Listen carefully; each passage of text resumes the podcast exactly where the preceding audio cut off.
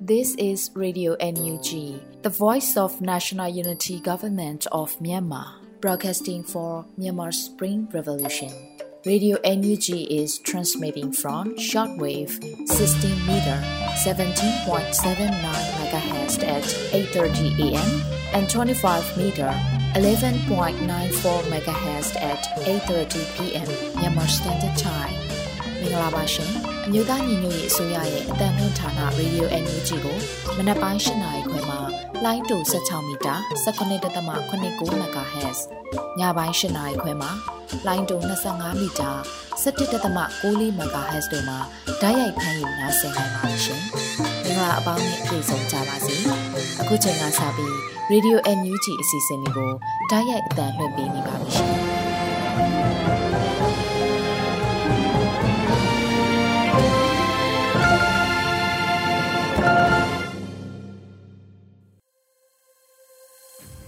မင်္ဂလာနံနက်ခင်းပါရှင်ရေဒီယို NUG ကိုနားဆင်နေကြတဲ့မိဘပြည်သူများနဲ့မြန်မာနိုင်ငံသူနိုင်ငံသားအပေါင်းတဘာဝဘေးဆရာနာရှင်ဘေးတို့ကနေကင်းဝေးပြီးကိုစိတ်နှပါဘေးကင်းလုံခြုံကြပါစေလို့ရေဒီယို NUG အဖွဲ့သားများကဆုတောင်းမေတ္တာပို့သလိုက်ပါတယ်ဒီကနေ့မတ်လ၁ရက်နေ့ရေဒီယို NUG ရဲ့မနက်ခင်းအစီအစဉ်လေးကိုစတင်ထုတ်လွှင့်ပေးတော့မှာဖြစ်ပါတယ်ပထမဆုံးအနေနဲ့ရေဒီယို NUG ရဲ့စီးရေးသတင်းကောင်းတို့ချက်ကိုနှွေဦးနိုင်မှဖတ်ကြားတင်ပြပေးတော့မှာဖြစ်ပါတယ်ရှင်။ မင်္ဂလာပါခင်ဗျာအခုချိန်ကစပြီး2024ခုနှစ်မလတရက်နေ့မနက်ခင်းမှာတင်ပြပေးမယ့် Radio NUG စီးရီးသတင်းများကိုဖတ်ကြားတင်ပြပေးသွားမှာဖြစ်ပါတယ်ခင်ဗျာ အခုပထမဆုံးတစ်ပုတ်အနေနဲ့စစ်ကောင်စီစစ်လေရင်တစီဆက်လင်းမှာပြက်ကြတဲ့တဲ့ရင်ကိုတင်ပြပေးပါမယ်။မကွေးတိုင်းဆက်လင်းမြို့နယ်ကျိုဝန်းကြီးကျေးရွာအနီးမှာစစ်ကောင်စီရဲ့လေရင်တစီပြက်ကြခဲ့တယ်လို့ဒေသခံများထံမှသိရပါတယ်။ဖေဖော်ဝါရီလ29ရက်နေ့နေ့လယ်12နာရီကျော်ခန့်ကအဆိုပါစစ်ကောင်စီလေရင်မှာမီးခိုးများထွက်လာပြီးမြေပြင်ပေါ်ကိုနှစ်ပိုင်းပြက်ကျသွားတာကိုတွေ့ရကြောင်းဒေသခံများကဆိုပါတယ်။ဆိုပါစစ်လျင်မှာပြစ်ချခံရတာမျိုးမဟုတ်ပဲဆက်ချုပ်ရွေးမှုကြောင့်ပြက်ကျသွားတာဖြစ်နိုင်ပြီးတော့ပြက်ကျပြီးတဲ့နောက်စစ်ကောင်စီတပ်ကလေရင်နှစ်စီးဖြင့်ရှာဖွေနေခဲ့တယ်လို့ဒေသခံများကပြောပြခဲ့ပါတယ်။လေရင်ပြက်ကျချိန်မှာအထဲမှာပါတဲ့လေရင်မှုနှစ်ဦးကလီတီနဲ့ခုံချလွတ်မြောက်သွားတယ်လို့သိရကြောင်း PDF ဆက်လင်းမှတာဝန်ရှိသူတို့ကပြောပါတယ်။အဆိုပါလေရင်မှုနှစ်ဦးကိုစစ်တပ်ကလာရောက်ခေါ်ဆောင်သွားပြီးတော့လေရင်ပြက်ကျအနီးမှာတော့အမှတ် 253 254တက်များမှလုံခြုံရေးရယူပေးထားတယ်လို့ဒေသခံများထံမှသိရပါတယ်။ပြကြခဲ့တဲ့လေယာဉ်မှာတိုက်ခိုက်ရေးလေယာဉ်မဟုတ်ဘဲလေ့ကျင့်ရေးလေယာဉ်သာဖြစ်ကြောင်းစစ်တပ်ထောက်ခံ Telegram Channel များမှာဝါဒဖြန့်ပြောဆိုထားတာကိုလည်းတွေ့ရပါတယ်ခင်ဗျာ။ဆက်လက်ပြီးဒိုင်းဒေတာနှစ်လတာစစ်စင်ရေးအတွင်းစစ်ကောင်စီဒုဘူမူကြီးအပါဝင်၄ဦးတည်ဆုံပြီးတော့59ဦးကိုအရှင်ဖမ်းမိတဲ့တဲ့တင်ကိုတင်ပြပေးပါမယ်။ချင်းပြည်နယ်ပလက်ဝမြို့နယ်ဒိုင်ဒေတာမှာ စစ်စင်ရေးနှစ်လတာကာလအတွင်းဒုတိယဗိုလ်မှူးကြီးတဦးအပါအဝင်အရာရှိ၄ဦးသေဆုံးက59ဦးကိုအရှင်ဖမ်းမိခဲ့တယ်လို့ CDF ဒိုင်ကဖေဖော်ဝါရီလ28ရက်နေ့မှာသတင်းထုတ်ပြန်ထားပါတယ်။ရခိုင်ပြည်နယ်ကတိုက်ပွဲများနဲ့ချင်းပြည်နယ်ပလက်ဝဒေသတိုက်ပွဲများအတွင်းစခန်းစွန့်ခွာထွက်ပြေးလာတဲ့စစ်ကောင်စီတပ်ဖွဲ့ဝင်များကိုဒိုင်ဒေသမှာ CDF ဒိုင်နဲ့ပူးပေါင်းတပ်ဖွဲ့များကတိုက်ခိုက်ဖမ်းဆီးရမိခဲ့တာဖြစ်တယ်လို့ဆိုပါတယ်။ CDF ဒိုင်အနေဖြင့်ဇန်နဝါရီလ28ရက် မွန်တောင်စစ်စင်ရေးမှာစစ်ကောင်စီဗိုလ်ကြီးအပါဝင်တပ်ဖွဲ့ဝင်15ဦးဖေဖော်ဝါရီလ9ရက်လောင်းပွီတောင်စစ်စင်ရေးမှာစစ်ကောင်စီဗိုလ်အပါဝင်တပ်ဖွဲ့ဝင်23ဦးဖေဖော်ဝါရီလ10ရက် လုံရင်တောင်စစ်စင်ရေးနဲ့ဖေဖော်ဝါရီလ21ရက်လောင်ဝီတောင်စစ်စင်ရေးမှာစစ်ကောင်စီဗိုလ်မှူး2ဦးဗိုလ်ကြီး3ဦးအပါဝင်တပ်ဖွဲ့ဝင်9ဦးတို့ကိုဖမ်းဆီးရမိခဲ့တယ်လို့သိရပါတယ်။ဖမ်းဆီးရမိတဲ့အထက်မှာဒဏ်ရာပြင်းထန်စွာရရှိထားတဲ့သူ9ဦးပါရှိပြီးတော့စေးတပ်ဖွဲ့ကနေစေကူတာပြီးနေကလက်နက်ခဲယမ်းအများအပြားလဲတင်စီရရှိခဲ့တယ်လို့ဆိုပါတယ်။ဒါအပြင်ဖေဖော်ဝါရီလ9ရက်နေ့ကစစ်ကောင်စီရဲ့ဘူးသီးတောင်အခြေစိုက်စကားခါ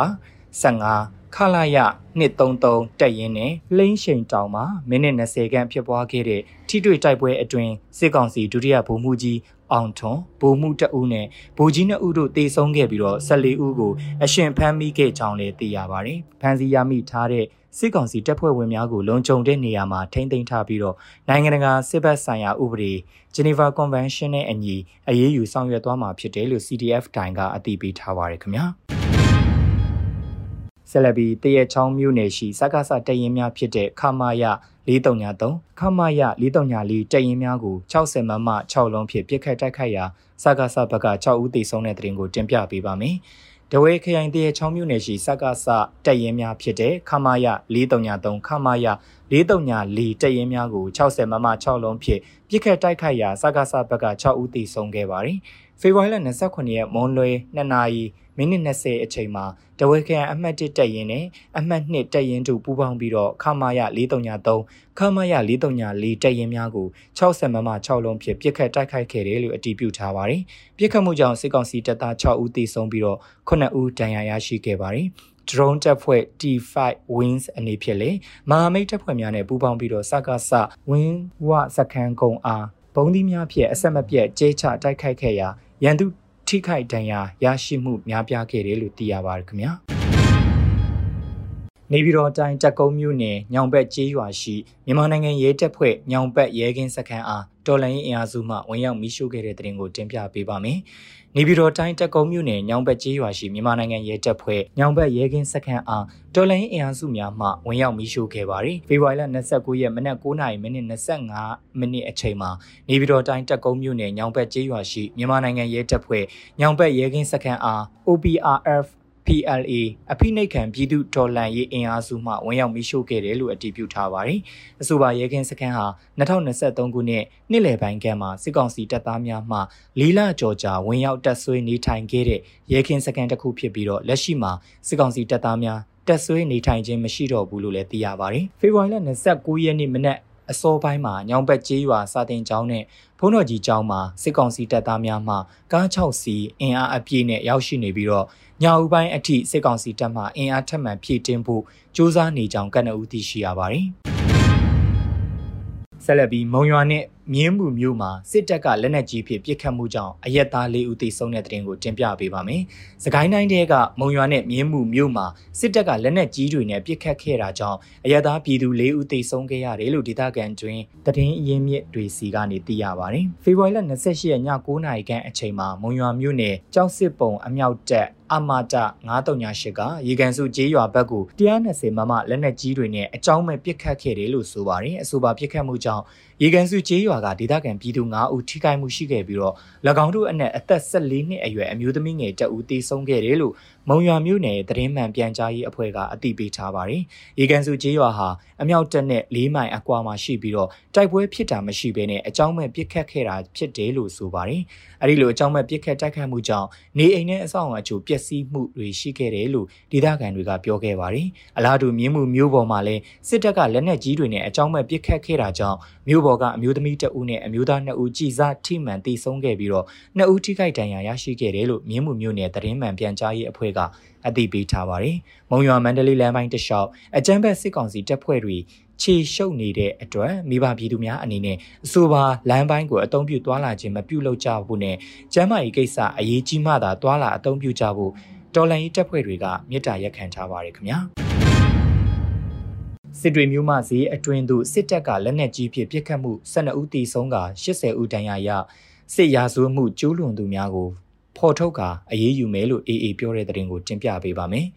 စစ်တွေမျိုးမှဈေးအတွင်းသို့စစ်ကောင်စီရေတပ်ကလက်နက်ကြီးနဲ့ပစ်ခတ်ခဲ့တာကြောင့်အရက်သားပြည်သူ12ဦးသေဆုံးပြီးတော့80ဦးဒဏ်ရာရခဲ့တာနဲ့ပတ်သက်လို့ကျူးလွန်သူတွေကိုစစ်ဆေးဖော်ထုတ်ပြီးတော့အရေးယူသွားမယ်လို့ရခိုင်တပ်တော် AA ကဖေဖော်ဝါရီလ29ရက်နေ့မှာထုတ်ပြန်ကြေညာလိုက်ပါတယ်။စစ်တွေမျိုးနဲ့စစ်တွေမျိုးပတ်ဝန်းကျင်မှာတိုက်ပွဲဖြစ်တာမရှိဘဲနဲ့ဈေးရောင်းဈေးဝယ်စီကားနေချိန်မှာအကြမ်းဖက်စစ်တပ်ကလူအစုလိုက်အပြုံလိုက်တီဆုံးစေရန်ရည်ရွယ်ချက်နဲ့ပြစ်ခတ်ခဲ့တာဟာစစ်ရာဇဝမှုကိုပြောင်ပြောင်တင်းတင်းနဲ့လက်ရဲစက်ရဲကျူးလွန်လိုက်တာဖြစ်တယ်လို့ AA ကပြောပါတယ်။ဖေဖော်ဝါရီလ29ရက်နေ့မနက်၈နာရီ10မိနစ်ခန့်အချိန်မှာအကြံဘက်စစ်ကောင်စီရေတပ်ရဲ့တင်မောတစင်းပေါ်ကနေစစ်တွေမြို့ကိုရီးယားစိတ်ကမ်းစီးအတွင်းကိုလက်နက်ကြီးနဲ့ပစ်ခတ်ခဲ့တာလို့သိရပါတယ်။အဆိုပါတိုက်ခိုက်မှုကြောင့်အရက်သားပြည်သူ12ဦးသေဆုံးခဲ့ရပြီးတော့32ဦးပြင်းထန်ဒဏ်ရာရကအလက်စားနဲ့အသေးစားဒဏ်ရာရသူ 90နီးပါးရှိခဲ့တယ်လို့ AA ကအသိပေးထားပါတယ်။ပြည်သူလူထုကိုပြစ်မှတ်ထားပြီးတော့ဆေးရဆိုမှုတွေကျူးလွန်ဖို့အမိန်ပေးညွှန်ကြားနေတဲ့အကြမ်းဖက်စစ်ကောင်စီအနေနဲ့ယခုလောက်ရဲ့အတွက်တာဝန်ခံမှုတာဝန်ယူမှုရှိရမှာဖြစ်ပြီးတော့ရခိုင်တပ်တော်အနေနဲ့လည်းရခိုင်ပြည်သူတွေအပေါ်စစ်ရာဇဝမှုကျူးလွန်ရမှာ ပါဝင်ခဲ့သူတွေကိုစစ်ဆေးဖော်ထုတ်အရေးယူသွားမယ်လို့ပြောပါတယ်။ရခိုင်ဒေသစစ်မျက်နှာမှာအရှုံးကြီးရှုံးနေတဲ့အကြမ်းဖက်စစ်တပ်ဟာအရှုံးကိုလက်မခံဘဲအောက်တန်းကျတဲ့နီလန်ပေါင်းစုံဆက်လက်လှုပ်ဆောင်လာတာကြောင့်ဒီလုံရက်တွေကိုတတိထားစောင့်ကြည့်ကြဖို့ရခိုင်အမျိုးသားအဖွဲ့ချုပ်ကအသိပေးထားပါတယ်။နိုင်ယူရဲဆန်ပြီးတော့ဖက်စစ်စီအပြည့်ရှိနေတဲ့အကြမ်းဖက်စစ်တပ်ဟာအများပြည်သူတွာလာနေထိုင်ရာမြို့ကျေးရွာဈေးစာတင်ကျောင်းနဲ့ဈေးရုံတွေကိုပါပြစ်မှတ်ထား တိုက်ခိုက်မှုတွေနေ့စဉ်လှုပ်ဆောင်နေတာကြောင့်မိဘပြည်သူများအနေနဲ့စစ်ရေးတတိနဲ့နေထိုင်သွားလာကြဖို့လဲရခိုင်အမျိုးသားအဖွဲ့ချုပ်ကတိုက်တွန်းထားပါတယ်ခင်ဗျာ။ဆက်လက်ပြီးမြစ်ကြီးနားမှာတရားရုံးမှပြန်လာတဲ့အချုပ်ကားတစ်စီးပြစ်ခတ်ခံရပြီးတော့ရဲတပ်ဦးတည်ဆုံတဲ့တဲ့တင်ကိုတင်ပြပေးပါမယ်။ကချင်ပြည်နယ်မြစ်ကြီးနားခရိုင်တရားရုံးမှဝိုင်းမော်မြို့ကိုပြန်လာတဲ့အချုပ်ကားတစ်စီး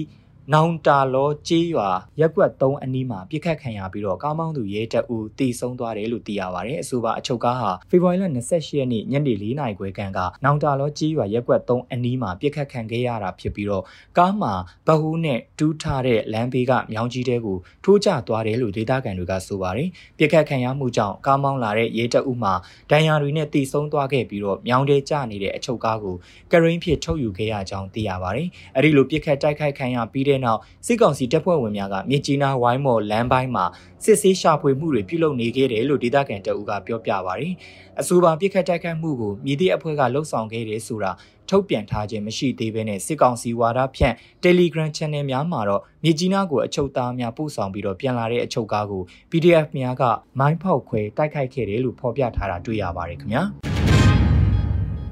ဆက်လက်ပြီးကောလင်းမြို့နယ်တစ်ဖူလစကားဆစခန်းကုန်းအနီးငါးကြီးအိုင်ရွာကိုစကားဆတက်ကမီးရှို့ဖျက်ဆီးတဲ့တဲ့တင်ကိုတင်ပြပေးပါမယ်။ကောလင်းမြို့နယ်တစ်ဖူလစကားဆစခန်းကုန်းအနီးငါးကြီးအိုင်ရွာကိုစကားဆတက်ကမီးရှို့ဖျက်ဆီးခဲ့တယ်လို့ကောလင်း KLPDF ကအတည်ပြုဆိုထားပါတယ်။ဖေဖော်ဝါရီလ29ရက်နေ့ကောလင်းမြို့နယ်တစ်ဖူလစကားဆစခန်းကုန်းအနီးငါးကြီးအိုင်ရွာကိုစကားဆတက်ကမီးရှို့ဖျက်ဆီးခဲ့ပါတယ်။ပြည်သူလူထုရဲ့အသက်အိုးအိမ်စီးစိမ်ကိုအသက်ပေးပြီးတော့ကာကွယ်ပါမယ်လို့ဆိုတဲ့စကားဆစစ်သားများမှ ပစ္စည်းယူအိမ်မီးရှို့နေမှုများကြောင့်ဒေါ်လာအေးပူပေါင်းအင်အားစုများမှလိုက်လံတားဆီးကဝယ်တိုက်ခိုက်နေရတယ်လို့ဆိုထားပါတယ်။ကောလင်းမြို့နယ်မြို့ပေါ်ရှစ်ရက်ကွက်စလုံးကနေအိမ်များကိုဖေဖော်ဝါရီလအတွင်းစကားစတက်များကမိရှုဖျက်ဆီးခဲ့ရမှာနေအိမ်များအားလုံးမီးလောင်ဆုံးရှုံးခဲ့ရတယ်လို့သိရပါတယ်ခင်ဗျာအခုတင်ပြခဲ့တဲ့စီးရီးသတင်းတွေကိုတော့ Radio NUG သတင်းတောက်မင်းတီရန်ကိုခန့်နဲ့မင်းစစ်သွေးတို့ကပေးပို့ထားတာဖြစ်ပါတယ်ခင်ဗျာ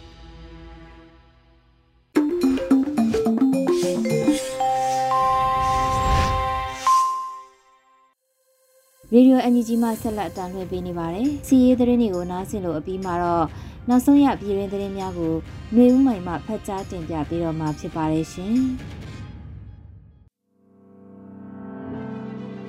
မင်္ဂလာမနက်ခင်းပါရှင်အခုချိန်ကစပြီး Radio UNG ရဲ့ March လ1ရက်နေ့မနက်ခင်းပြည်တွင်တင်များကိုဖတ်ကြားပေးပါတော့မယ်ကျွန်မကတော့နှွေးမိုင်းဖြစ်ပါတယ်ရှင်တော်လှန်ရေးရဲ့အရှိန်ဟုန်တိုးတက်လာနေတာနဲ့မျှအကြမ်းဖက်စစ်အုပ်စုဘက်က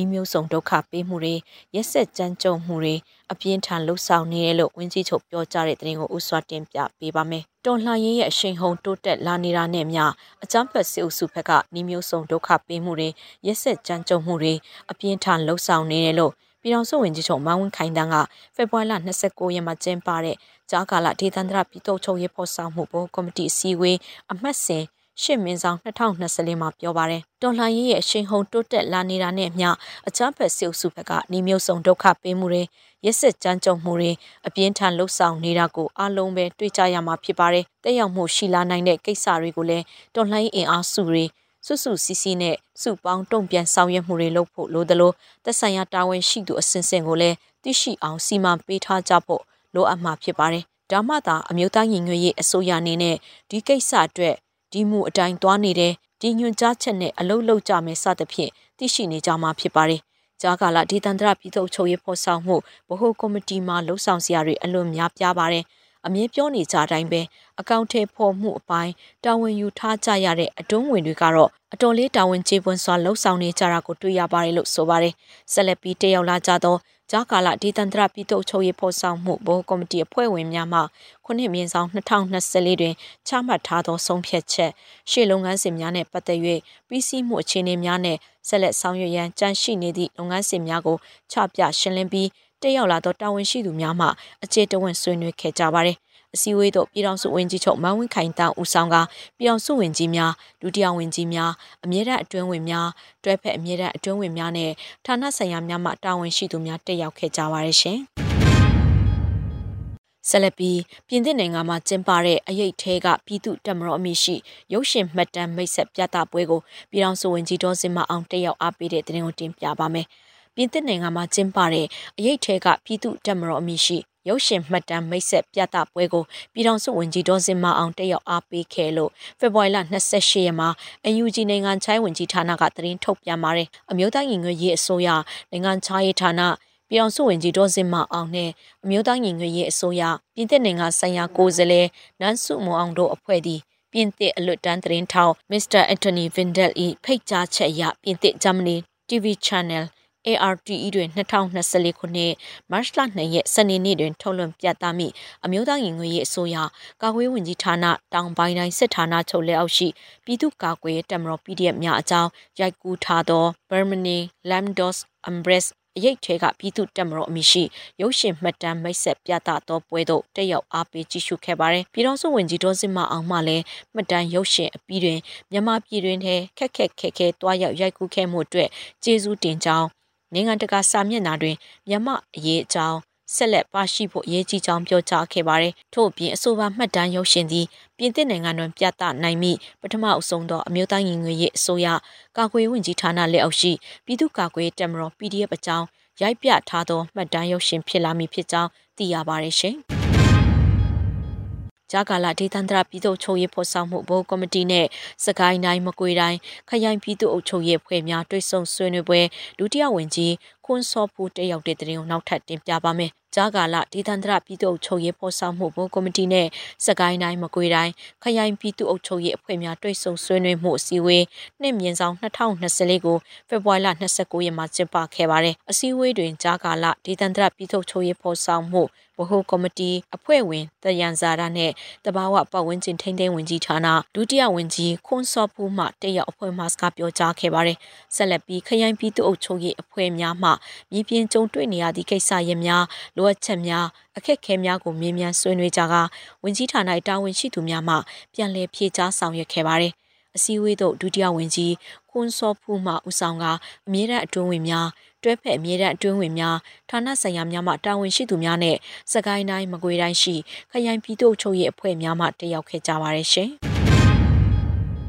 လောင်းလုံပါဖာနေဖြင့်နှစ်နှစ်တွင်ဒေတာခံပြည်သူ9000ကျော်ကိုစေကူတာမှုပေးနိုင်ခဲ့တဲ့တဲ့ရင်ကိုနောက်ဆုံးတင်ပြပေးပါမယ်။လောင်းလုံမျိုးနယ်ပြည်သူ့အုပ်ချုပ်ရေးအဖွဲ့နေဖြင့်ဒေတာခံပြည်သူများကိုကျန်းမာရေးဝန်ဆောင်မှုများဆောင်ရွက်ပေးခဲ့ရာလက်ရှိအချိန်ထိနှစ်နှစ်တာတွင်ဒေသခံပြည်သူ9000ကျော်ကိုစေဝါကူတာမှုဆောင်ရွက်ပေးနိုင်ခဲ့လို့သိရပါတယ်။2020 နှစ်စမ်းပိုင်းမှစတင်ပြီးကျန်းမာရေးဌာနပုံစံဖြင့်နေရာ၃နေရာတွင်ကျန်းမာရေးဝန်ဆောင်မှုများဆောင်ရွက်ပေးခဲ့ကာနေမြေလုံးခြုံရေးအပေါ်မူတည်ပြီးစစ်ပေးရှောင်များပြည်သူများရဲဘော်များနဲ့၎င်းတို့မိသားစုဝင်များကိုစေကူတာပေးခြင်းများဆောင်ရွက်ပေးခဲ့လို့လောင်းလုံပါဖပြောရေးဆိုခွင့်ရှိသူကိုဟိန်းထက်ကပြောပါတယ် ထို့ပြင်2021ခုနှစ်ကလေးကဒေသတွင်ပြည်သူ့ကာကွယ်ရေးအဖွဲ့တွေကိုစေဝါနဲ့ပတ်သက်တဲ့တင်ဒန်းတွေဆောင်ရွက်ပေးခဲ့ပြီးခွဲစိတ်ကူတာဖို့လိုအပ်သူများကိုစေယုံစေခန်းတွေမှာလွှဲပြောင်းကူတာပေးတာကုန်ကြငွေကိုတန်တိုင်းတလောက်အကုန်ကြခံပေးတာမျိုးတွေကိုလည်းဆောင်ရွက်ပေးခဲ့ကမြို့နယ်တွင်းရှိတွန်လိုင်းအဖွဲ့အစည်းများကိုလည်းစေဝါထောက်ပံ့ခြင်းများဆောင်ရွက်ပေးလက်ရှိကြောင်းဆက်ပြောပါရယ် လက်ရှိမှာလောင်းလုံပဖာနေဖြင့်မြို့နယ်တွင်တလားတစ်ကြိမ်ကွင်းစင်စေကူတာမှုများပြုတ်လုပ်ပေးလက်ရှိပြီးစစ်ကောင်စီစစ်ကြောင်းထုံမှုကြောင့်ထွက်ပြေးတိမ်းရှောင်လာရတဲ့တက်ကြီးရွယ်အိုများကလေးများနဲ့နာတာရှိယောဂသေးများကိုစေဝါကုသမှုဆောင်ရွက်ပေးနေလို့မြေပြင်မှာစေကုသမှုဆောင်ရွက်ပေးနေတဲ့စေတာဝန်ခံတို့ကပြောပါရယ် ကျမယဝန်ဆောင်မှုလုပ်ငန်းတွေဆောင်ရွက်ရမှာမြို့နယ်ပကဖနဲ့ပူပေါင်းဆောင်ရွက်ခဲ့ကြပြီးတွားရောက်ရမယ့်ကြေးရွာတွေမှာဆရာဆရာမတွေနဲ့ပြည်သူတွေရဲ့လုံခြုံရေးအစီအမံတွေကိုပကဖကတာဝန်ယူပြီးဆောင်ရွက်ပေးခဲ့လို့သိရပါတယ်။လောင်းလုံမျိုးနဲ့ပအားဖအနေနဲ့2023အောက်တိုဘာလမှာစတင်ပြီးရက်ကျေပအားဖဖွဲ့များကိုဖွဲ့စည်းခဲ့ပြီးနောက်ရက်ကျေအစဉ်ကျမ်းမာရေးတာဝန်ရှိသူများကိုပါထားရှိကကျမ်းမာရေးဆောင်ရှောက်မှုဆောင်ရွက်ပေးနေလို့သိရပါတယ်ရှင်။ အခုတင်ပြခဲ့တဲ့သတင်းတွေကို Radio UNG သတင်းထောက်မင်းတီဟန်ကိုခန့်နဲ့မင်းစစ်သွေးတို့ကပေးပို့ထားတာဖြစ်ပါတယ်ရှင်။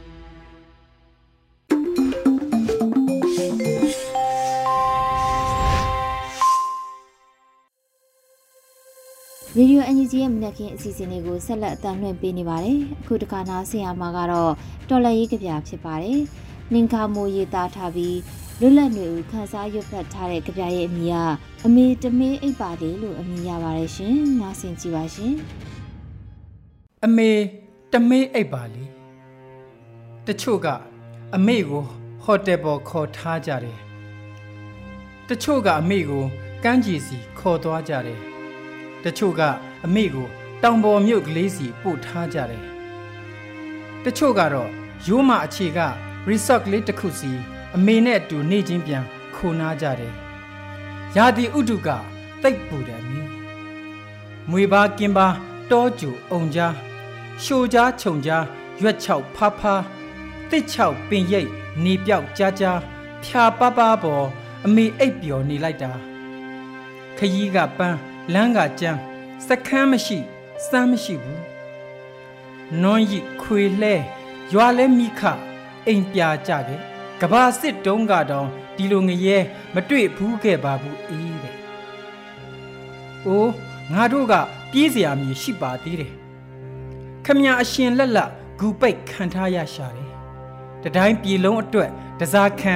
လောက်ခံထားရရှာတယ်။ဒီຫນွေပူတာထက်သူ့စိတ်ကငါတို့အတွက်ပူပူရှာမှာအေး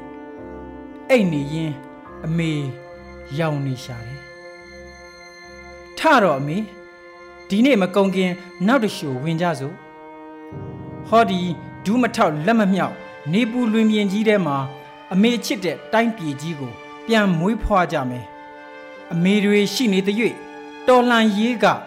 ရှိနေမှာပဲမဟုတ်လားနှင်ခါမူ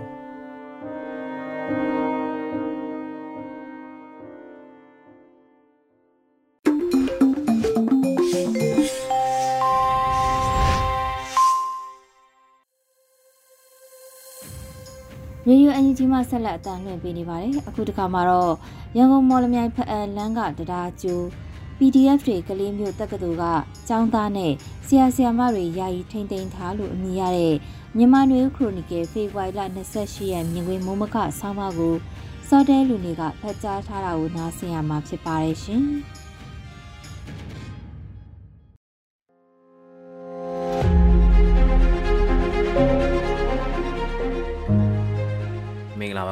ရန်ကုန်မော်လမြိုင်ဖအံလန်းကတရားကျိုး PDF တွေကလေးမျိုးတက္ကသိုလ်ကကျောင်းသားနဲ့ဆရာဆရာမတွေယာယီထိန်းသိမ်းတာအမည်ရတယ်မြန်မာနွေခရိုနီကယ်ဖေဖော်ဝါရီလ28ရက်နေ့မြင်ကွင်းမုံမခဆောင်းပါးကိုစတင်တင်ပြဖတ်ကြားပေးပါတော့မယ် ဖေဖော်ဝါရီ28ရက်နေ့ကအာယုံမတက်ခင်စောပိုင်းမှာရန်ကုန်မော်လမြိုင်နဲ့ရန်ကုန်ဖအံကားလန်ပေါ်တထုံမြို့နယ်တိန်စိတ်ကျေးရွာထဲမှာရှိတဲ့ဒေသအခေါ်မိုးကောင်းတရားလို့ခေါ်ဆိုတဲ့ကွန်ကရစ်တရားကိုဖောက်ခွဲအားပြင်းထန်တဲ့ရန်နဲ့ဖောက်ခွဲဖျက်ဆီးခဲ့ပြီးဘယ်လက်နက်ကိုင်ဖွဲ့ကလှုပ်ဆောင်တယ်လဲဆိုတာတော့ထုတ်ဖော်ပြောဆိုတာမရှိသေးပါဘူး။တထုံမြို့နယ်က KNU နဲ့ဒေသခံ PDF တွေလှုပ်ရှားကြတဲ့ဒေသဖြစ်ပြီး KNU တပ်မဟာ1နယ်မြေထဲရှိတဲ့ဒေသလည်းဖြစ်ပါတယ်။မကြာခဏစစ်ကောင်စီရင်နှန်းတွေတိုက်ခိုက်တာမြို့နယ်တွင်းမှာရှိတဲ့ကြေးရွာတွေကို KNU KNL နဲ့ PDF အဖွဲ့တွေဝင်ရောက်တိုက်ခိုက်တာကြေးရွာအုပ်ချုပ်ရေးမှုတွေပြည်သူစစ်တွေကိုဖမ်းဆီးတပ်ဖြတ်တာတွေဖြစ်ပွားလေးရှိတဲ့ဒေသလည်းဖြစ်ပါတယ်။တထုံမြို့ဟာမြို့အုပ်ချုပ်ရေးအရာမွန်ပြည်နယ်မှာပါဝင်မိမယ်။နယ်မြေဆက်ဆက်မှုအနေထားအရကရင်ပြည်နယ်ဖအံမြို့နယ်နဲ့ထိစပ်နေပြီးပို့အိုလူမျိုးနဲ့ကရင်လူမျိုးတွေအများစုနေထိုင်ကြတဲ့မြို့နယ်ဖြစ်ပါတယ်။ တထုံမြို့နယ်ကတစဉ်ကရင်ပြည်နယ်ဖအံကော့ဂရိတ်မြောက်ရီနယ်ဆက်ကုန်းသေးလမ်းကြောင်းပေါ်မှာရှိသလိုမွန်ပြည်နယ်မော်လမြိုင်နဲ့တနင်္သာရီတိုင်းတို့ကိုကုန်းလန်းကနေဆက်သွယ်ထားတဲ့ကားလမ်းကလည်းဒီလမ်းကိုသာအသုံးပြုသွားလာကြတာဖြစ်ပါတယ်။ထိုင်းမြန်မာနယ်စပ်ကုန်းသွယ်ရေးလမ်းကြောင်းပေါ်ကတရားလဲဖြစ်တာကြောင့်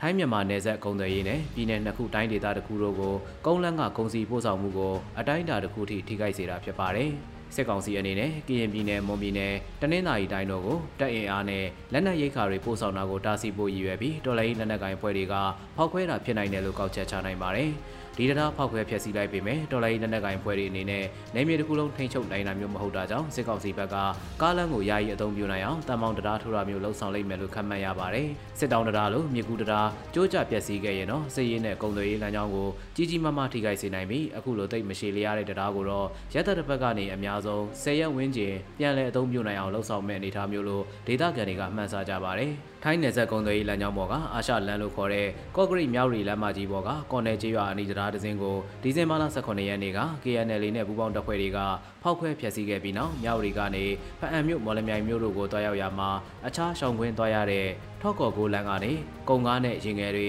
တွာလာနေကြတာဖြစ်ပါတယ်။အခုတထုံမြို့နယ်တိန်စိတ်ကြီးရွာတွေကတရားဖောက်ခွဲဖျက်ဆီးခံရတာဟာဒုတိယမြောက်တရားဖောက်ခွဲခံရတဲ့ဖြစ်ရဖြစ်ပြီးထိုင်းမြန်မာကုန်သွယ်ရေးကိုအနည်းနဲ့အများထိခိုက်စေမယ့်အနေအထားဖြစ်ပါတယ်။ လက်တလောအနေအထားမှာကုန်ကားတွေခီးတဲ့နဲ့ express ကားကြီးတွေကဖြတ်တန်းသွားလာလို့မရပဲပိတ်မိနေပြီးရင်ငယ်တွေကတော့ကြေးရွာတွေကပတ်ပြီးသွားလာနေကြတဲ့အနေအထားလို့ဆိုပါတယ်။ယမန်နေ့နောက်ပိုင်းအော်တိုဘာလ132နှစ်ခွန်စစ်စင်ရေးစတင်ပြီးနောက်ရှမ်းပြည်နယ်မြောက်ပိုင်းမှာညီနောင်မဟာမိတ်လက်နက်ကိုင်ဖွဲ့တွေကနယ်မြေသိမ်းတိုက်ပွဲတွေဆင်နွှဲကြရမှာတိန်ဒီတရာတီဘောမြို့နယ်ဝင်းကျင်က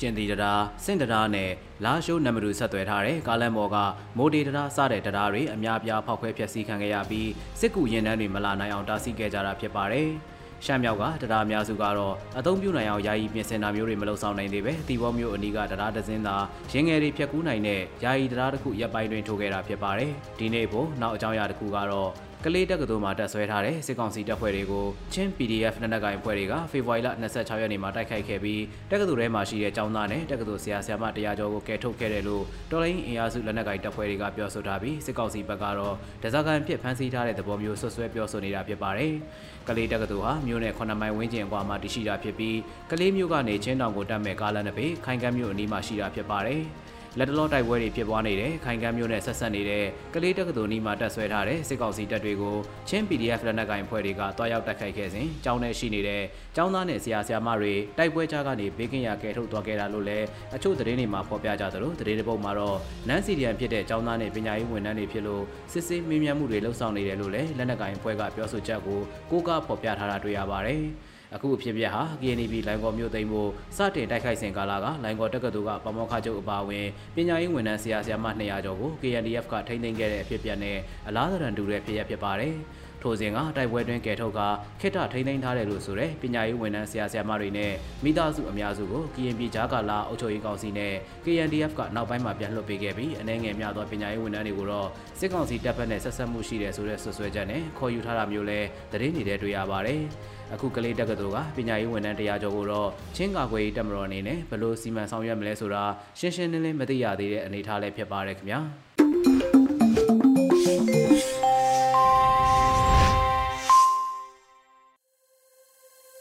ဒီကနေ့ရဲ့နောက်ဆုံးအစီအစဉ်အနေနဲ့တော်လန်ရေးတိဂီတာမှာတော့ရွေဦးပြည်သူတွေပေါင်းဆက်ပြီးဆိုထားတဲ့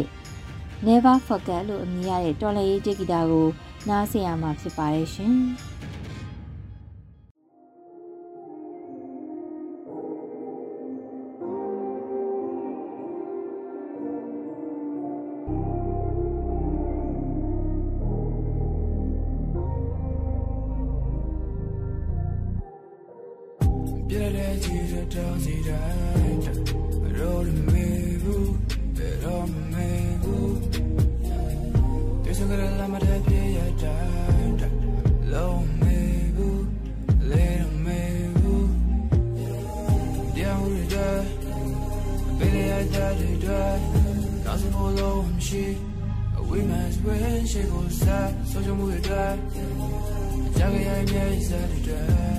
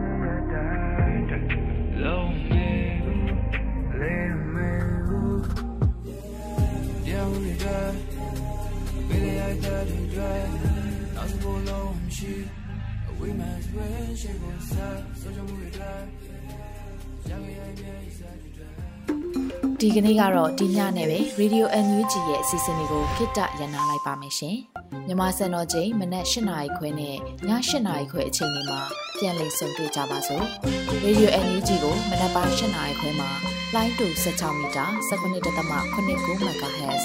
ညပိုင်း၈နာရီခွဲမှာလိုင်းတူ25မီတာ17.6 MHz တို့မှာဓာတ်ရိုက်ဖမ်းလို့နိုင်စေနိုင်ပါပြီ။ မြန်မာနိုင်ငံသူနိုင်ငံသားတွေကိုစိတ်နှပြကျန်းမာချမ်းသာလို့ဘေးကင်းလုံခြုံကြပါစေလို့ Radio NUG အဖွဲ့သူဖွဲ့သားတွေကဆုတောင်းမြတ်တာပို့တာလိုက်ရပါတယ်ရှင်။အမျိုးသားညီညွတ်ရေးအစိုးရရဲ့စက်သွေးရေးသတင်းအချက်အလက်နဲ့လူပညာဝန်ကြီးဌာနကထုတ်လွှင့်နေတဲ့ Radio NUG ဖြစ်ပါတယ်။ San Francisco Bay Area အခြေစိုက်မြန်မာမိသားစုတွေနဲ့နိုင်ငံတကာကစေတနာရှင်လို့အားပေးနေတဲ့ Radio NUG ဖြစ်ပါတယ်။အရေးတော်ပုံအောင်ရမည်